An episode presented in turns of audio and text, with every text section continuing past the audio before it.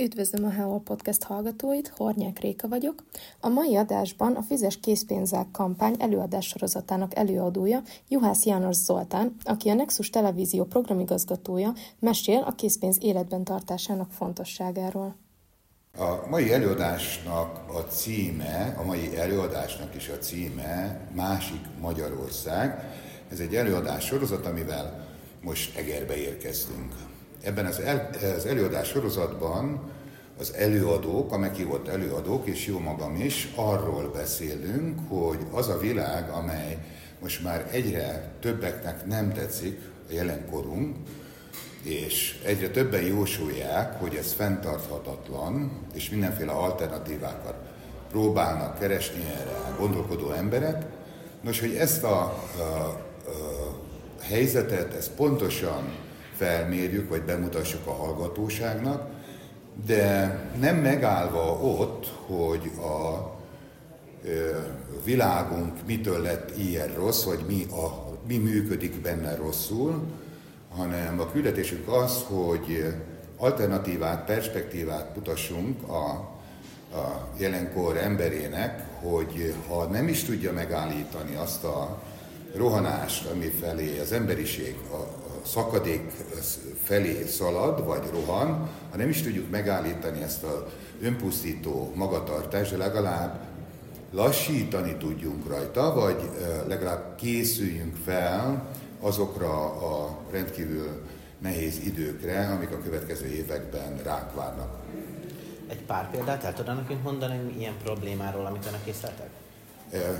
nem, nem én, és nem mi, nagyon fontos, hogy a 70-es években már kutatók, tudósok figyelmeztették a politikusokat, tehát a 70-es, 1970-es évekről vannak nekem már dokumentumaim, amikor kutatók, professzorok, tudósok figyelmeztették az akkori világ politikumát, hogy ez így nem lesz jó, ebből óriási katasztrófa lesz. Azóta is az elmúlt évtizedekben folyamatosan újabb és újabb figyelmeztetések érkeznek, amit a politikum nem vesz tudomásul. Mintha nem is hallana. Beszél nekünk zöldítésről például, klíma katasztrófának a megelőzésére most mindenféle trükköket találnak ki, valójában az a klimatikus változás, ami végbe megy most a Földön, ezt nem tudja megállítani az emberiség, így meg semmiképp, hogy 2022-ben volt a legnagyobb foszilis energia felhasználása az emberiségnek, ettől csak 2023-ban lett több, és 2024-ben még több lesz.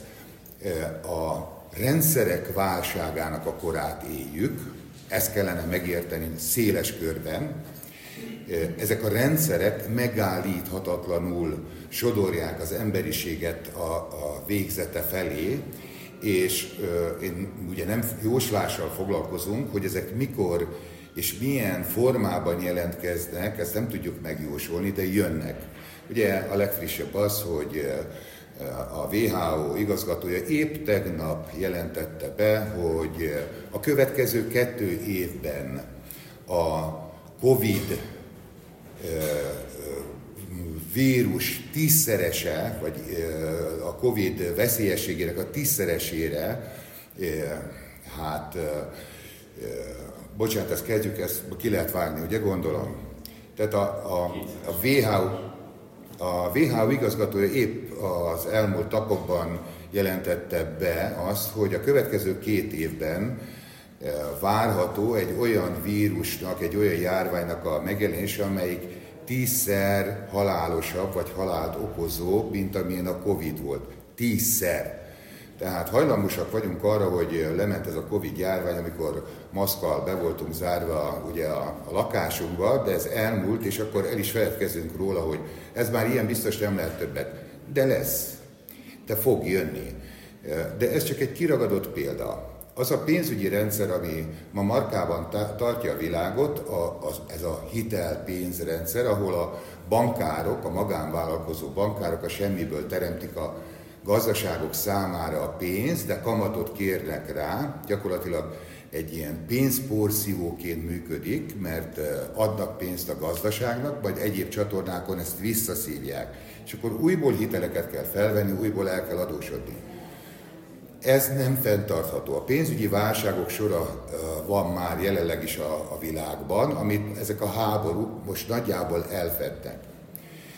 Nem fenntartható a kapitalizmus sem, hiszen már régen megtanultuk azt, hogy egy véges világban nem lehet végtelenül fejlődni. És a politikusaink állandóan ezt szajkózzák, hogy a GDP-t, a gazdaságot növelni kell újból és újból és újból. De minek, mikor az egyes ember fogyasztása nem lett több? Ez nagyon fontos, tessék elgondolkodni rajta, hogy itt van ez a csökkenő lakosságú ország, és nem lesz több a fogyasztásunk, viszont mégis mindig több termelésre van szükség. Miért? Azért, mert a pénzrendszer, a hitelpénzrendszer adósság csapdáját ezzel a hiú reménnyel próbáljuk kiküszöbölni. A harmadik fő elem ennek a válság mixnek, az pedig maga a politikai rendszer. Azt látjuk, hogy az a, az a római jog, amit ma az államoknak az alapja, az államok jogrendszerének az alapja, az hát, hogy is mondjam, most már lassan végleg megbukik. Látjuk, mindenkinek van véleménye arról, hogy a nemzetközi térben is, és most nem a feltétlen a hazai politikusokat akarom kritizálni, mindenki tegye ezt saját belátása szerint. De olyan abszurd döntéseket hoznak a politikusok, hadd utaljak egy pillanatra csak a német traktoros vagy a parasztoknak a sztrájkjára. Hát felfoghatatlan, hogy, a, a, hogy nem érdekük a németeknek, hogy élelmiszertermelésük rendben legyen. És ezt a politikum a, a fejetlenséget csinálja. Na most az a római jogrend, ahol a törvényeket kiválasztott személyek hozzák, majd a társadalommal ezt betartatják, és ha nem tartják be, akkor büntetnek, az homlok egyenes más, mint a mi, mi magyar ősi kultúránkban meglévő ne árcs ö, ö, jogrend, mert minden szabadott volt az őseinknek, amik nem voltak más kárára, és nem csak élőnek, hanem élettelennek a kárára is. Ez sokkal egyszerűbb szabály, én azt gondolom, sokkal egyszerűbben lehet követni. A végső soron ezek a rendszerek mindenképp előidézik a, a következő években azt, hogy az életszínvonalunk romosan csökkenni fog, illetve olyan körülmények, váratlan helyzetek fognak kialakulni, amire jobb, hogyha az emberek most már kezdenek felkészülni, legalább lelkileg, pszichikailag, hogy ez lesz. Aztán, hogy mit tehetünk még magunkért, arra, arról majd az előadáson fogok beszélni.